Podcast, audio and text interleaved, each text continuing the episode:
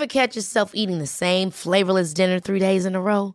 Dreaming of something better? Well, HelloFresh is your guilt-free dream come true, baby. It's me, Gigi Palmer. Let's wake up those taste buds with hot, juicy pecan-crusted chicken or garlic butter shrimp scampi. Mm. Hello Fresh. Stop dreaming of all the delicious possibilities and dig in at HelloFresh.com. Let's get this dinner party started. Everyone knows therapy is great for solving problems, but getting therapy has its own problems too, like finding the right therapist, fitting into their schedule, and of course, the cost. Well, BetterHelp can solve those problems. It's totally online and built around your schedule. It's surprisingly affordable too. Connect with a credentialed therapist by phone, video, or online chat, all from the comfort of your home. Visit betterhelp.com to learn more and save 10% on your first month. That's BetterHelp, H E L P. Millions of people have lost weight with personalized plans from Noom, like Evan, who can't stand salads and still lost 50 pounds. Salads, generally, for most people, are the easy button, right? For me, that wasn't an option. I never really was a salad guy. That's just not who I am. But Noom worked for me. Get your personalized plan today at Noom.com. Real Noom user compensated to provide their story. In four weeks, the typical Noom user can expect to lose one to two pounds per week. Individual results may vary. Olösta fall. En podd om försvunna människor och oklara mord.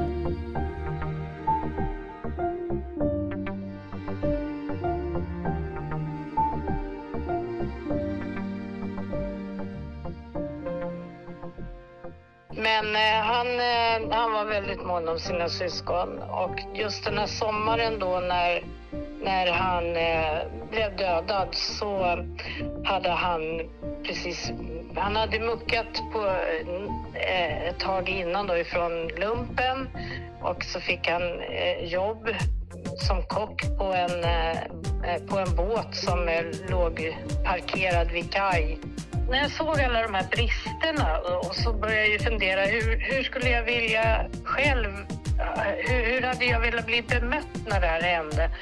Ja, då, då, då, kunde jag ju skriva ner det på ett papper att så här, den här hjälpen hade jag behövt. Det är natten till den 1 augusti 1998. Teddy Gaude är 21 år gammal och befinner sig ute på en krogrunda med vänner. Det är högsommar i Stockholm och livet leker. Han har ett skift på restaurangbåten han jobbar på dagen efter, men han festar vidare. Kompisgänget som firar en i sällskapets födelsedag går från krog till krog tills klockan närmar sig halv fyra. Teddy och hans vän som fyllt år bestämmer sig för att dela en taxi och bege sig hemåt. Taxin som de beställt ska komma till Munkbrokajen och under tiden som de väntar hamnar Teddys vän i bråk med några andra. När taxin väl kommer ber Teddy chauffören att vänta på dem. Men efter en stund kör bilen och lämnar killarna till sitt öde. Den här natten blev Teddys sista natt i livet. Du lyssnar på Olösta fall. Mitt namn är Nathalie Seob. Mitt namn är Sofie Nublin. Veckans avsnitt av Olösta fall handlar om fallet Teddy Gaude och vi har pratat med Teddys mamma Avi som kunde berätta mer om Teddy och hans uppväxt. Ska vi se, han är född 76 och eh, när han var ungefär 3-4 år då separerade jag och hans pappa.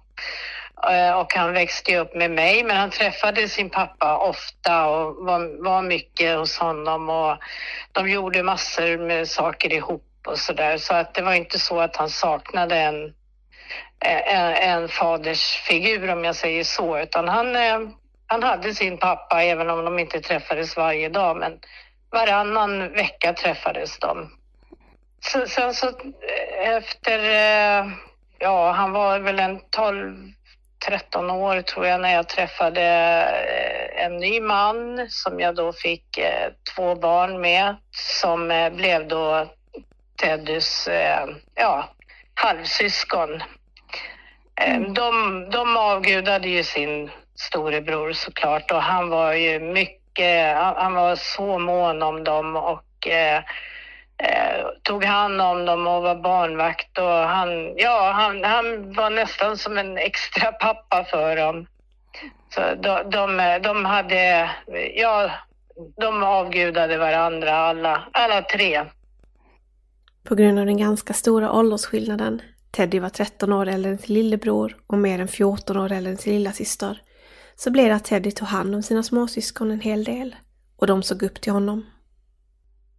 Men eh, han, eh, han var väldigt mån om sina syskon och just den här sommaren då när, när han eh, blev dödad så hade han precis, han hade muckat på eh, ett tag innan då ifrån lumpen och så fick han eh, jobb som kock på en, eh, på en båt som eh, låg parkerad vid kaj eh, i Gamla stan. Och för, han, för den första lönen han fick, då, då frågade han sina småsyskon vad, vad de ville ha i present.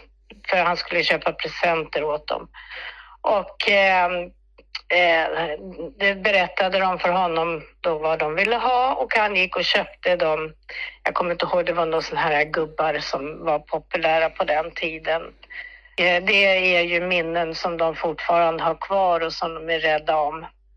Mm. Men annars så var han som vilken annan 21-åring som helst. Han var ute och festade med sina kompisar och tyckte om tjejer och drack väl alkohol emellanåt och när de var ute och festade. Och han var som de brukar vara. Men han var alltid mån om att ringa hem och, och, och, och prata. Och även om han inte ville prata med mig så ville han prata med sina småsyskon. Så, eh, vi hade bra kontakt allihopa. Vid julen 1997 flyttade familjen hem till Stockholm igen efter att ha bott utomlands ett par år. Teddy som inledningsvis hade följt med familjen utomlands hade åkt hem tidigare år 1996 för att göra lumpen.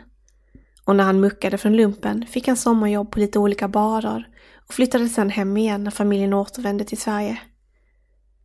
Teddy hade gått en livsmedelsteknisk linje på gymnasiet och hade en dröm om att bli kock och sommaren 1998 fick han jobb på en restaurangbåt. Den 1 augusti 1998 fyllde Evis farmor år, så hon var hemma hos sin farmor med sina föräldrar för att fira hennes födelsedag. Och det var när hon kom hem från firandet som hon fick reda på att Teddy inte dykt upp på sitt jobb den dagen. Och jag försökte ett par gånger att ringa till, till Teddy där på, mitt på dagen.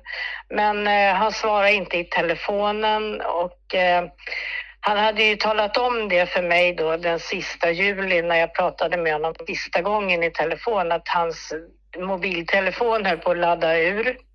Så att jag, jag trodde att det var för att mobilen var urladdad. Det var därför han inte kunde svara. Men när jag kom hem sen på eftermiddagen så eh, möttes jag ju i dörren av min dåvarande man och mina två barn, Cindy och Charlie. De frågade mig om jag hade hört någonting ifrån Teddy för att de hade ringt ifrån, från, eh, hans chef hade ringt ifrån jobbet och frågat var Teddy var någonstans för han hade inte dykt upp. Eh, jag förstod på en gång att nu var det någonting som hade hänt. För jag vet ju, jag visste ju det att skulle han bli försenad eller någonting, eh, någon förändring skulle ske eh, som inte hörde till planerna så hörde han alltid av sig. Så jag visste ju på en gång att nu har det hänt något allvarligt. Ja, eh, men vi fortsatte väl att vänta på att få höra någonting ifrån honom. Jag ringde ju till honom många, många, många gånger. Eh, men han svarade ju då, då inte. Sen på kvällen så skulle vi hem till en släktings eh, kalas för hon fyllde 30. Medan vi var där då så då kände jag att nej nu, nu klarar jag inte av det här. Det var så mycket folk och jag, jag var ju i stort sett panikslagen. Så att jag kände att nej, jag, eh, Eh, jag klarar inte av att vara kvar här. Jag tog bilen och åkte in till den här restaurangen där han jobbade och träffade hans eh, kollegor och chefer och vi stod och pratade där och var överens om att det här var absolut inte likt Teddy att bara bara vara borta. Det var inte frivilligt. Så att jag och den här kompisen som hade varit tillsammans med Ted kvällen innan och som fyllde år, det var honom de firade. Vi åkte då till, eh, till polisen inne i stan och eh, anmälde honom försvunnen helt enkelt. Och då först fick jag veta att eh, den här kompisen hade varit inblandad i ett bråk mm. tillsammans ja, med några andra killar och eh, att han hade blivit iknuffad i vattnet vid, vid Munkbrokajen då. Och då förstod ju den här kvinnan då på polisen att ja, hon, hon, hon kunde ju lägga ihop ett och ett och, och hon förstod ju att eh, Ted hade försvunnit i samband med det då, att det var någon, ja, att han inte hade bara liksom eh, försvunnit frivilligt eller, eh, eller så, utan eh, de hon, hon skickade ut ett meddelande till alla radiobilar där, om, om en försvunnen person så att de började leta redan på en gång.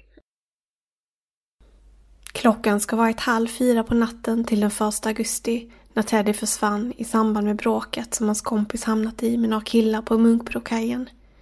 Och under bråket ska samma killar ha knuffat i kompisen i vattnet. Klockan var halv åtta på kvällen dagen efter när Evi anmälde Teddy som försvunnen och polisen satte igång en sökinsats. Vi frågade Evi vad vännen egentligen kunde berätta för henne om bråket som ägde rum i samband med Teddys försvinnande. Han kunde inte berätta så värst mycket egentligen.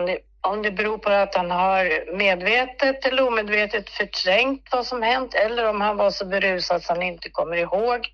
Det, det är svårt att, att, svara på men eh, han visste att han hade varit med i ett bråk och han kunde, han kunde berätta om vissa eh, saker som hade sagts och gjorts men eh, han, eh, han kunde inte, han kom inte ihåg att Ted hade blivit nedknuffad i vattnet också utan och, och, ja, det är lite oklart vad han egentligen kommer ihåg.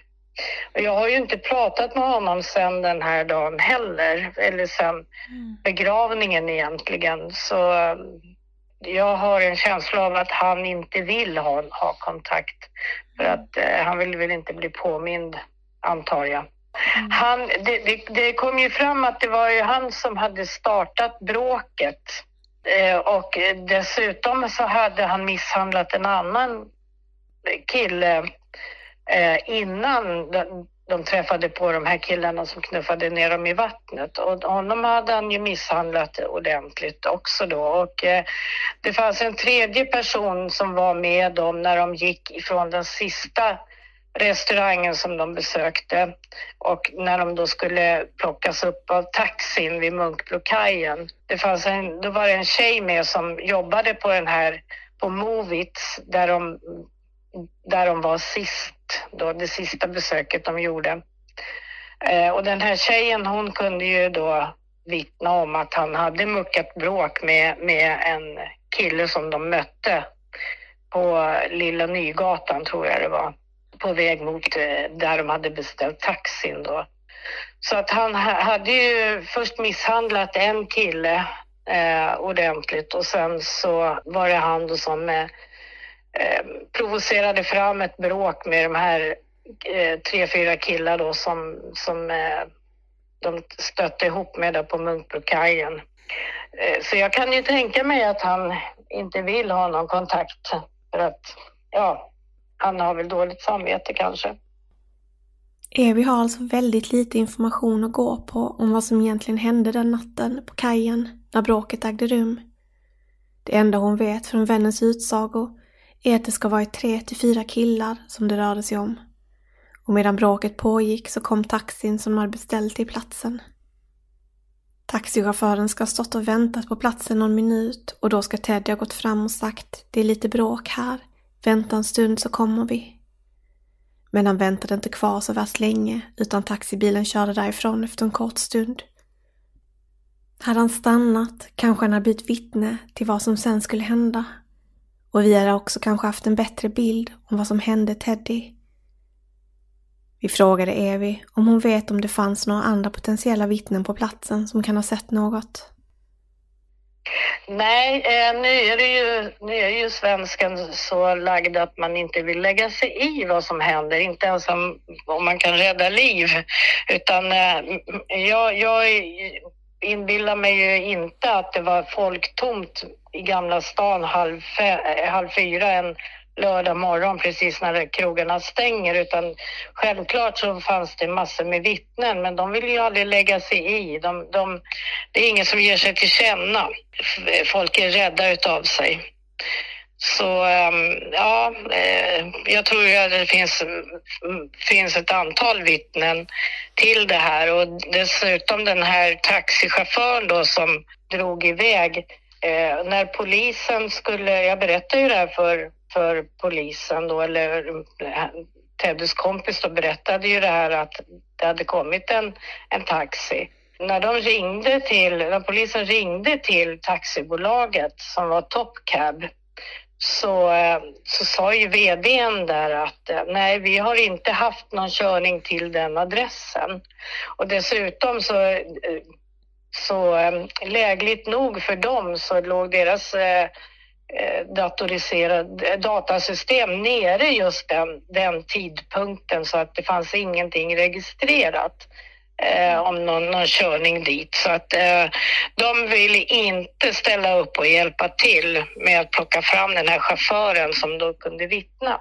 Eh, så, och det, med det lät polisen nöja sig eh, satte ingen press på Top Cab utan de ryckte på axlarna och tyckte jaha, okej okay då. Men Eh, när jag pratade sen, eh, några veckor senare, med eh, Efterlyst, redaktionen där, eh, med en reporter som, de gjorde ju ett inslag om det här i Efterlyst och eftersökte vittnen.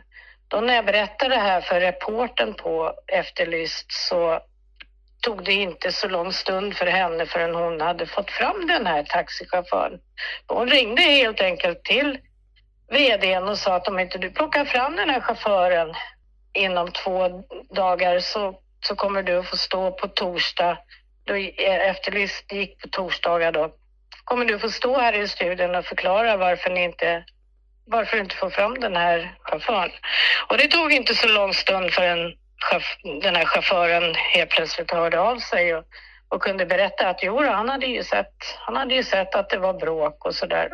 Eh, och att han hade stannat en kort stund men sen lämnat platsen. Och, och det var ju tur det för, eh, för Teddys kompis för att han var ju misstänkt ett tag eh, innan de, innan de fick fram det här vittnet och så misstänkte de att det var han som hade knuffat ner Teddy i vattnet och att det var de två som hade bråkat. Så det var ju tur för honom det att, att det här vittnet äntligen kom fram. Men det kan man ju inte säga var po polisens förtjänst utan det var ju reporten på Efterlyst som, som, som gjorde det. Eh, Evi vet inte riktigt hur mycket polisen har gjort för att försöka identifiera personerna som var inblandade i bråket.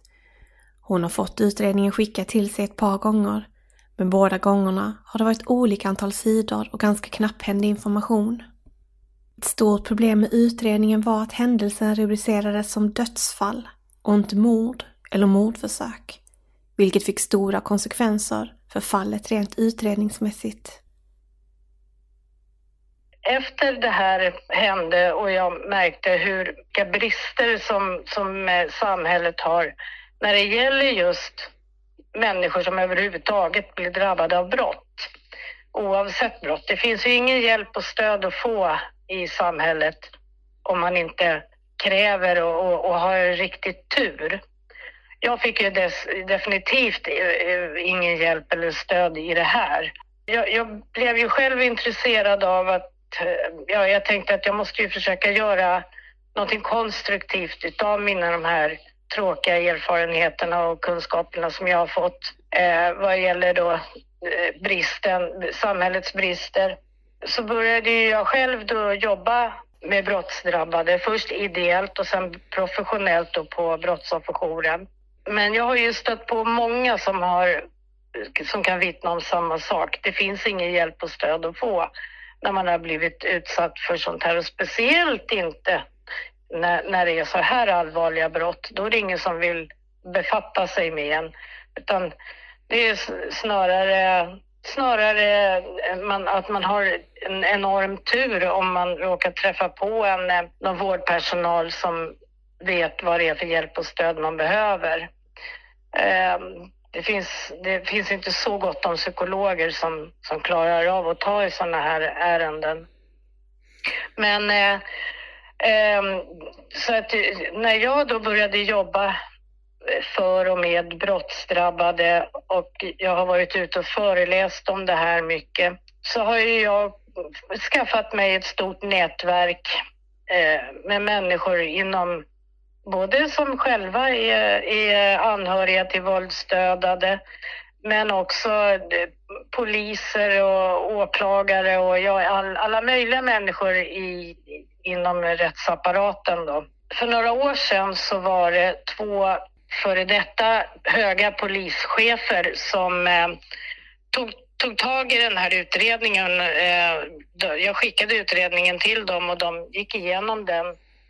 Och det de kunde konstatera, det var ju att eh, det största felet som man gjorde från början, det var att rubricera den här utredningen som just dödsfall. Hade de rubricerat det som mord i och med att de visste vid vilken tidpunkt och eh, vilken situation Teddy försvann så skulle de ju ha rubricerat det här som mord. Och det gjorde de inte och då får de ju inte det, de resurser som krävs för att göra en, en som de kallar det för robust, robust utredning. Man kan inte låta bli att tänka på om utfallet hade blivit helt annorlunda med brottsrubriceringen mord i Teddys fall. Då hade polisen haft helt andra förutsättningar för att kunna gå till botten med vad som egentligen hände och hitta den eller de som är skyldiga till Teddys död. This Mother's Day, celebrate the extraordinary women in your life with a heartfelt gift from Blue Nile. Whether it's for your mom, a mother figure, or yourself as a mom, find that perfect piece to express your love and appreciation. Explore Blue Nile's exquisite pearls and mesmerizing gemstones that she's sure to love. Enjoy fast shipping options like guaranteed free shipping and returns. Make this Mother's Day unforgettable with a piece from Blue Nile. Right now, get up to 50% off at BlueNile.com. That's BlueNile.com. Ever catch yourself eating the same flavorless dinner three days in a row?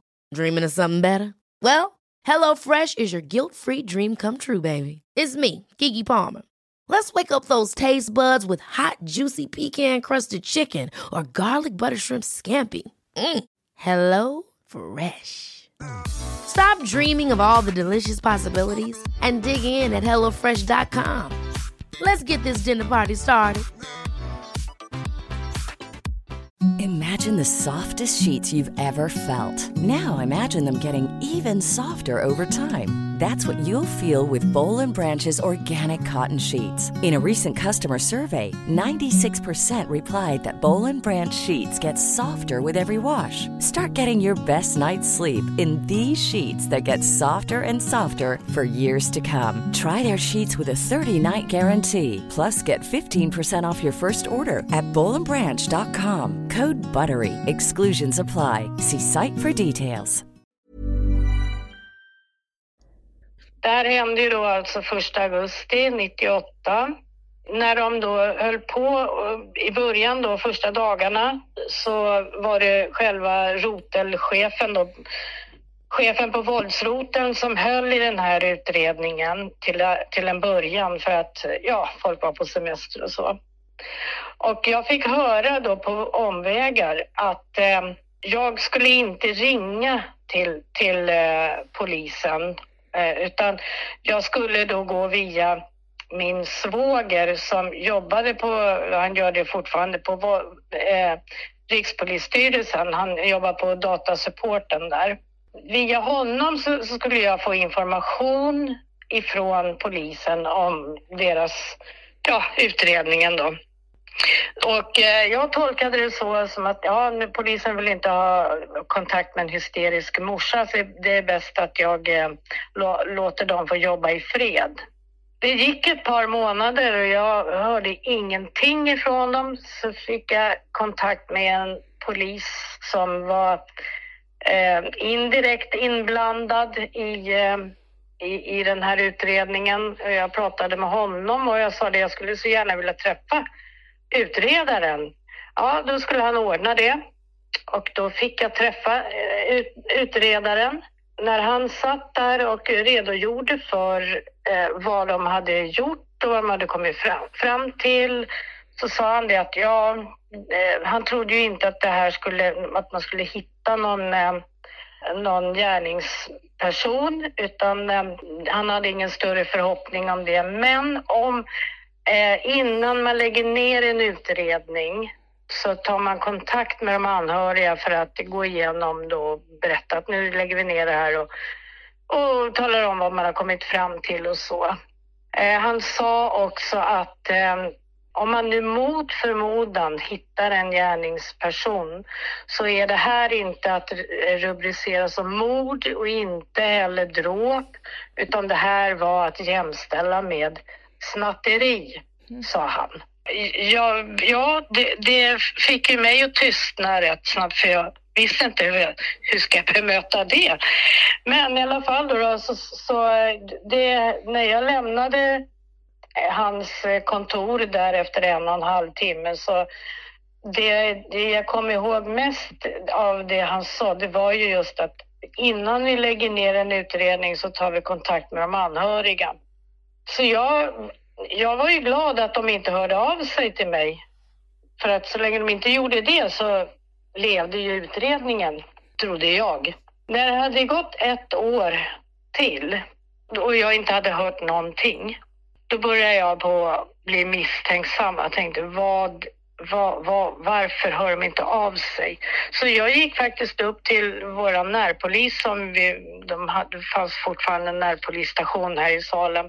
Så jag gick upp dit och så pratade jag då med närpolisen där och frågade, kan du hjälpa mig att ta reda på vad som händer med utredningen? Ja, då, det lovade han att han skulle göra då. Och så gick tiden igen. Efter en månad hörde han av sig och bad så mycket om ursäkt för att han Eh, inte hade hört av sig tidigare. Men det tog polisen en hel månad att hitta utredningen. För den hade de lagt, den här pappershögen då, hade de lagt i en större pappershög på ett skrivbord. Och där låg, låg den utredningen tillsammans med en massa andra papper. Och de hade letat en hel månad innan de äntligen hittade den. Och det visade sig att de hade lagt ner utredningen redan ett år tidigare. Våren 2000 fick jag veta att utredningen var nedlagd sedan ett år tillbaka. Och de hade ju då inte ringt det här samtalet till de anhöriga som de hade lovat. Jag blev ju såklart, jag, jag är så förbannad så du anar inte. Mm, och det arg och förtvivlad och jag hade ju kunnat strypt alla poliser som kom i min väg då. Det, det gick ett, ett tag och eh, eftersom, eftersom jag var så arg och jag drivs av ils, alltså ilskan är ju min drivkraft så jag tog kontakt med andra poliser, jag, bland annat en, en polisintendent på, i, på Stockholmspolisen. Eh, han eh, hjälpte mig med att eh, anmäla poliserna till eh, interna utredningar för han tyckte ju också att det här var åt skogen. Det blev ju såklart ingenting av det. Det hade ju inte begåtts något brott men eh, et, etiskt så kanske det var värre än att be, be, begå ett brott kan jag ju tycka att man bara man slarvar bort en utredning och så talar man inte om när man har lagt ner den för anhöriga. Det tycker jag är, är skandal. Men jag satte mig också ner och så skrev jag, när jag då fick reda på att utredningen var nedlagd, så satte jag mig ner och så, så skickade mejl till flera av våra samhällsredaktioner på tv. Bland annat då Uppdrag granskning. Mm. Och något år senare så, så hörde de av sig till mig då ville de göra ett inslag om det här, så det gjorde de faktiskt. Ett sådant specialprogram som de har på somrarna. De eh, belyste just det här problemet med polisen som som eh, ja, oempatiska och eh, eh tappa bort utredning och allt, ja, allt som hade hänt. För det var ju så mycket som hade gått fel i den här utredningen överhuvudtaget. Just det här med att de, eh, de rubricerar det som dödsfall. Eh, I första dagarna när, innan Teddy hittades, för det tog ju några dagar innan de hittade honom i vattnet, så, så fick jag ju telefonsamtal ifrån någon som kallades för ett förundersökningsstöd och hon ställde sådana bisarra frågor så att eh, jag visste liksom inte om jag skulle skratta eller gråta. Hon, hon antydde att han kanske hade tagit livet av sig. Eh, frågade om han hade varit deprimerad. Och jag tyckte det var en konstig fråga att ställa. Eh, man tar väl inte livet av sig just för en sån där halv fyra på morgonen efter ett bråk eh, när man är på väg hem ifrån krogen. Det, det, var liksom inte rätt tillfälle att ta livet av sig på. Så jag ringde hon någon dag senare och undrade om han hade åkt på semester till Göteborg. Och det var ju ännu, ännu värre. Jag, jag, jag kunde inte begripa var hon har fått det ifrån. Vadå på semester till Göteborg? Teddy kände ingen, inte en människa i Göteborg och han skulle ju jobba dagen därpå. Då åker man väl inte på semester? Ja, så det var mycket sådana saker som eh, var så märkliga och som, eh, som eh, Uppdrag granskning tog upp faktiskt eh, och intervjuade rotelchefen och eh, den här polisen på närpolisen här i Salem, Alhem, Sven-Erik Alhem som han var ju åklagare då. Han blev intervjuad och andra blev också intervjuade och de kunde ju då tala om hur, hur bisarr hela situationen var. De utredande poliserna i Teddys fall har alltså kritiserats för sitt bemötande av Teddys anhöriga i Uppdrag granskning. Men de har också fått kritik för hur utredningen sköttes. Vi frågade Evi hur kontakten var med polisen inledningsvis och hur hon fick reda på att Teddy hade hittats eftersom det gick någon tid från att han försvann till att han återfanns död i vattnet. Det skulle visa sig att hon inte fick ett samtal av polisen när det hände, utan hon fick dödsbeskedet från ett helt annat håll. Det fick jag reda på av TV4, för jag satt och tittade på nyheterna på morgonen. Eh, fem över halv nio hade ju TV4s Nyhetsmorgon, de hade lokala nyheter då på den tiden. Och eh, då fick jag veta att man hade hittat en kropp precis där, där Teddy hade försvunnit. Så jag fick veta det via nyheterna på TV och då ringde jag till, det här, till den här människan som ställde de här underliga frågorna om Teddys försvinnande. Då, eh, då fick jag en utskällning för att jag hade jag hade, det är så mycket såna här eh, bisarra detaljer i, i den här historien. Så att den som, du vet när man hittar någon människa som har dött eh, på ett sätt som man inte vet varför så skickar man ju en politivagn.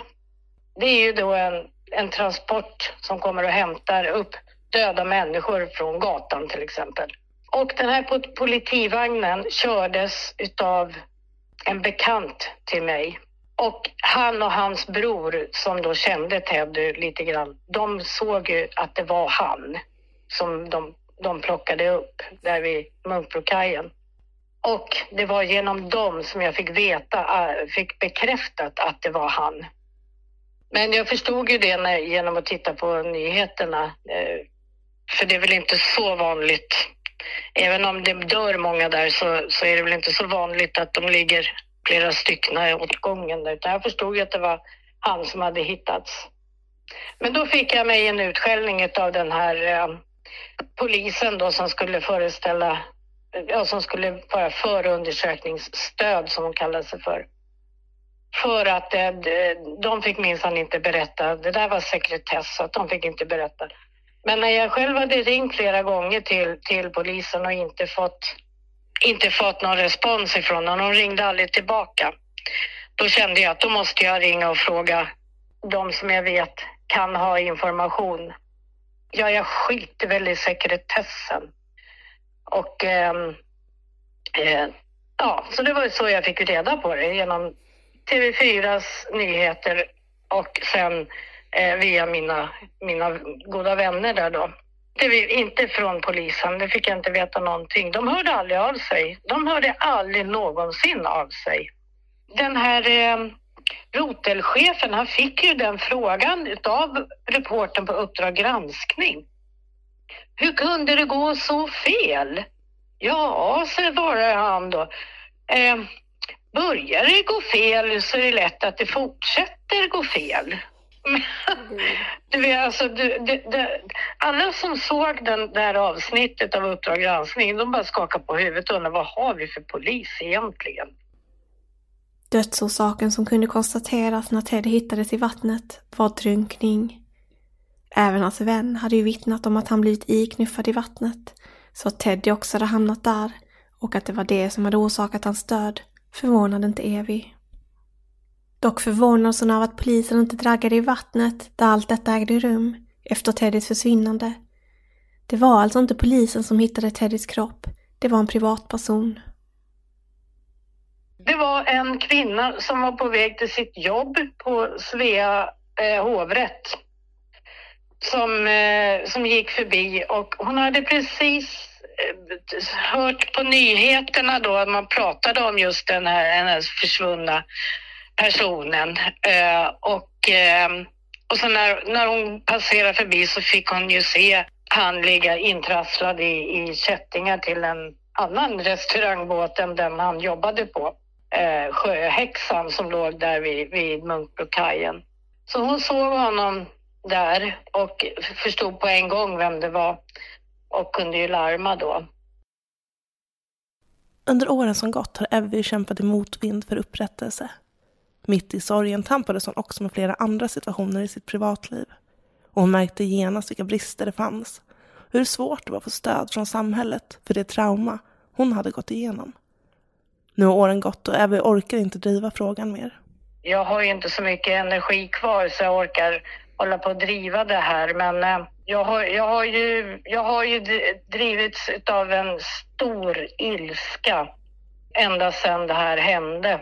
Och genom att då själv vara ute och föreläsa för mordutredare, för, för socialtjänst, för alla möjliga skolelever och alla möjliga människor så har jag ju bearbetat det här på egen hand och fått vara min egen eh, terapeut kan man väl säga. Jag har ju sökt hjälp många gånger just för eh, ångest och sådana saker. Men det, det, det man, man viftar bort orsaken till mitt mående och erbjuder annan hjälp hela tiden som jag egentligen inte behöver. Jag behöver inte gå i, i, i eh, grupp och prata om eh, med, med, andra personer som, som söker hjälp för att de har någon sån här duktig flicka-syndrom till exempel. Mm. De ställer så stora krav på sig själva i hemmet och eh, gentemot sin svärmor och som chefer och sådana här saker.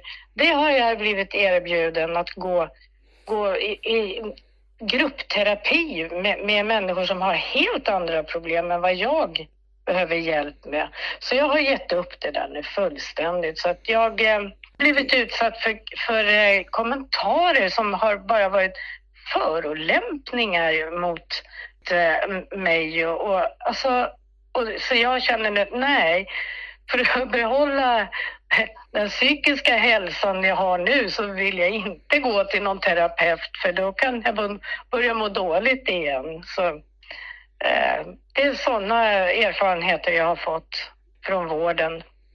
Och jag är inte den enda. Jag, jag, som sagt, jag har ju jobbat... Jag var ju ordförande en period för eh, och, och var aktiv inom en organisation som heter Riksorganisationen för anhöriga till våldsdödade och jag har ju pratat med många andra anhöriga till våldsdödade och de har ju kunnat sagt att ja, jag gick till en psykolog. Jag träffade en psykolog för att jag behövde få hjälp med att bearbeta det här. Men psykologen sa till mig att så fort hon såg mig så ville hon bara gråta för hon tyckte så synd om mig.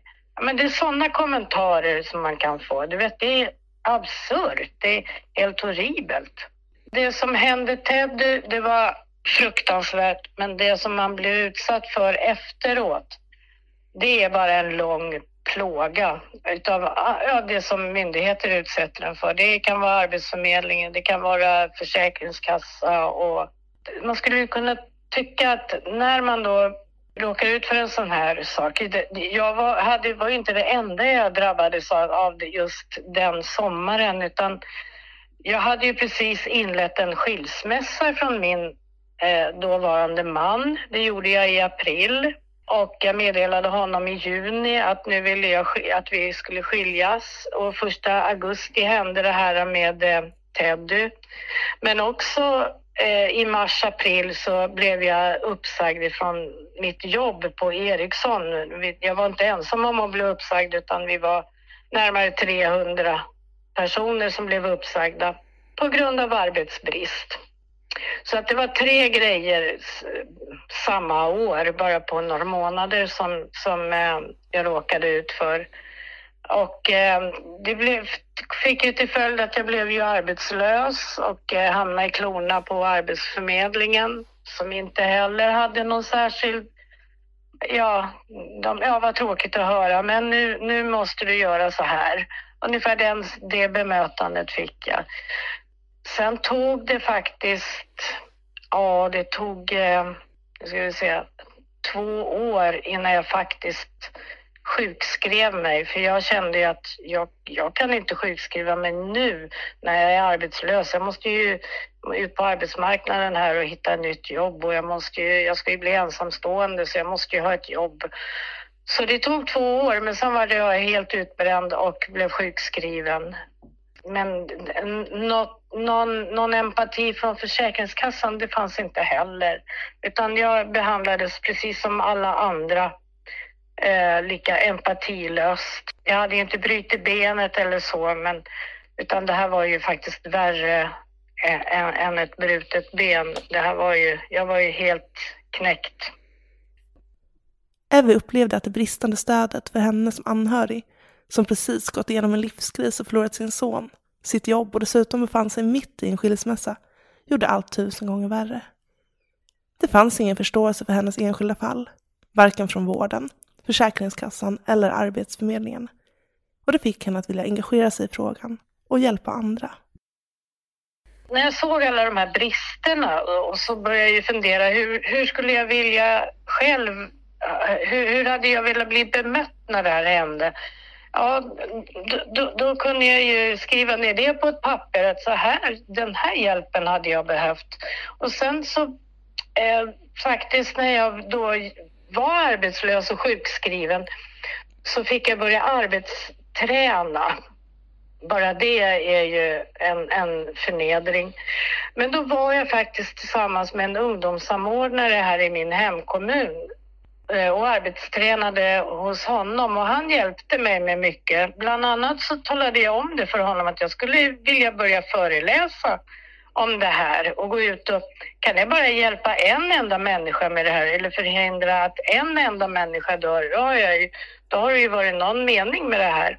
Så att eh, han sa så, ja men skriv ner en synopsis på vad du vill att det ska, eh, hur föreläsningen ska se ut. Skriv ner ett manus så ska jag hjälpa dig. Så ska jag hjälpa dig att komma igång med dina föreläsningar. Så jag skrev det här manuset och han läste igenom det och han tyckte det var bra. Och sen så hade jag min första föreläsning i maj 2004. Och det var för ett gäng tonårsgrabbar mellan 13 och 17 år på Ungdomens hus här i Salem. Och det, jag fick så mycket eh, respons ifrån dem så att eh, jag tänkte att det här måste jag fortsätta med. Så sen har jag fortsatt att och föreläsa för ganska många nu då. Tyvärr så eh, de, de som verkligen skulle behöva lyssna på mig eh, och, och andra som har varit med om samma sak de, de har ju inget intresse av det. Försäkringskassa och Arbetsförmedling och de, de som då ska ta hand om trasiga människor. De, där finns det inget eh, intresse, men jag har ju föreläst för många mordutredare på eh, Stockholmspolisen till exempel. Och de har ju eh, fått, eh, de, de, har ju i utvärderingar eh, varit väldigt uppskattande eh, gentemot mig då och, och, och jag har fått ja, bevis på att, eh, att eh, det jag har sagt har, har fått dem att... Eh, så att jag vet ju att det har, det har gjort nytta. Mötande mot anhöriga till våldsdödade. Efter att ha föreläst om det hon gått igenom och i många år jobbat för olika organisationer som stöttar brottsoffer och anhöriga har Evy nu landat i ett helt annat yrkesval. Hon är nämligen kriminalvårdare och jobbar på ett fängelse, vilket gett henne helt nya perspektiv. Nu, nu har jag ett lite konstigt jobb eftersom jag inte har, har de här erfarenheterna. Så kanske det låter underligt, men jag jobbar faktiskt i ett fängelse. Så jag träffar ju kriminella varenda dag. Och jag ser ju att de är ju människor de också. Det är bara det att de har begått, inte bara kanske, men de har begått misstag som har gjort att de hamnar där de har hamnat. Mm. Om du bara visste vad många kriminella jag sett sitta och gråta och, och sitta och gulla med sina barn på Skype och telefon. Och, alltså de är, man, får en, man får en helt annan syn på, på, på de som, som sitter inne. Det är ju inga monster som begår brott hela tiden utan det räcker med att de begår ett brott. Så man kan, alla kan hamna, hamna snett. Det är ofta droger som ställer till det. Eller mm. diagnoser. Det är så många som har diagnoser. Jag har ju ända sedan det här hände då med Teddy har jag velat använda mig av mina erfarenheter och jobba brottsförebyggande. Men eftersom eh, man inte anses eh, ja, vad ska jag säga, man, ska ju vara akademisk, alltså akademiker. Man måste ju ha gått och pluggat, vara socionom eller kriminolog eller någonting för att anses eh, kunna jobba med sådana här frågor. Det är ingen som har velat anställa mig och jobba med sånt här, varken på kommun eller någon annanstans. Inte förrän då jag svarade på en annons på, eh, hos kriminalvården då, de sökte folk. Det är kriminalvården, de de uppskattar mina kunskaper och erfarenheter och tycker att jag kan använda, att, jag har nytta, att de har nytta av mig och mina erfarenheter inom kriminalvården. Så jag känner att jag har hamnat rätt. Det har jag. Vi kan inte låta bli att förundras över Evvis kraft och styrka. Allt hon varit igenom och hur hon lyckas vända det här fruktansvärda, alla erfarenheter hon gått igenom, som någon aldrig någonsin ska behöva genomlida till någonting positivt för andra. Det, om något, är beundransvärt. Fallet om Teddy, som rubricerades som dödsfall, är nedlagt, även om mycket pekar på att det rörde sig om något helt annat den där augustinatten 1998. Ett bråk som urartade och som resulterade i att Teddy hamnade i vattnet och dog. Han föll offer för det meningslösa våldet och aldrig fått den upprättelse som han förtjänar. Vi hoppas att ni vill hjälpa till att sprida ordet om det som hände Teddy så att han aldrig någonsin glöms bort och att allt som Evy kämpat för inte behöver vara förgäves. Tack för att du lyssnat på veckans avsnitt av Olösta fall. Vi är tillbaka igen nästa vecka med ett nytt avsnitt.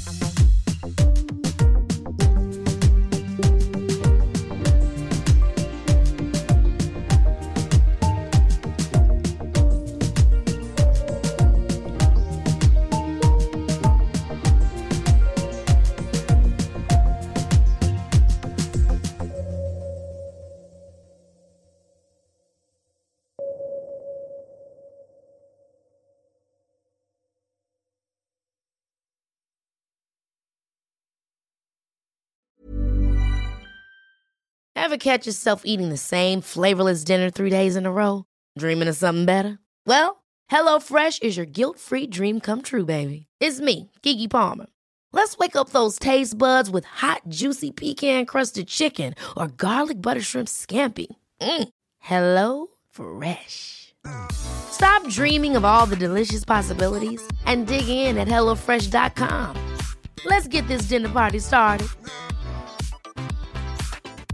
Want to get a chiseled look in the jawline? Sculpt and shape your jawline with added volume from Juvederm Volux XC. Juvederm Volux XC is an injectable gel specifically designed to be robust enough to improve moderate to severe loss of jawline definition. And it is the first and only hyaluronic acid filler approved for the jawline. Add volume to your jawline for a chiseled look with Juvederm Volux XC. For important safety information and to find a licensed specialist, visit juvederm.com. That's J U V E D E R M.com. Not for people with severe allergic reactions, allergies to lidocaine, or the proteins used in Juvederm. Common side effects include injection site redness, swelling, pain, tenderness, firmness, lumps, bumps, bruising, discoloration, or itching. There's a risk of unintentional injection into a blood vessel, which can cause vision abnormalities, blindness, stroke, temporary scabs, or scarring. Talk to a licensed specialist to find out if it's right for you. Visit juvederm.com. That's J U V E D E R M.com. Even when we're on a budget, we still deserve nice things. Quince is a place to scoop up stunning high end goods for 50 to 80% less than similar brands. They have buttery soft cashmere sweaters starting at $50, luxurious Italian leather bags, and so much more. Plus, Quince only works with factories that use safe, ethical, and responsible manufacturing. Get the high-end goods you'll love without the high price tag with Quince. Go to quince.com/style for free shipping and 365-day returns.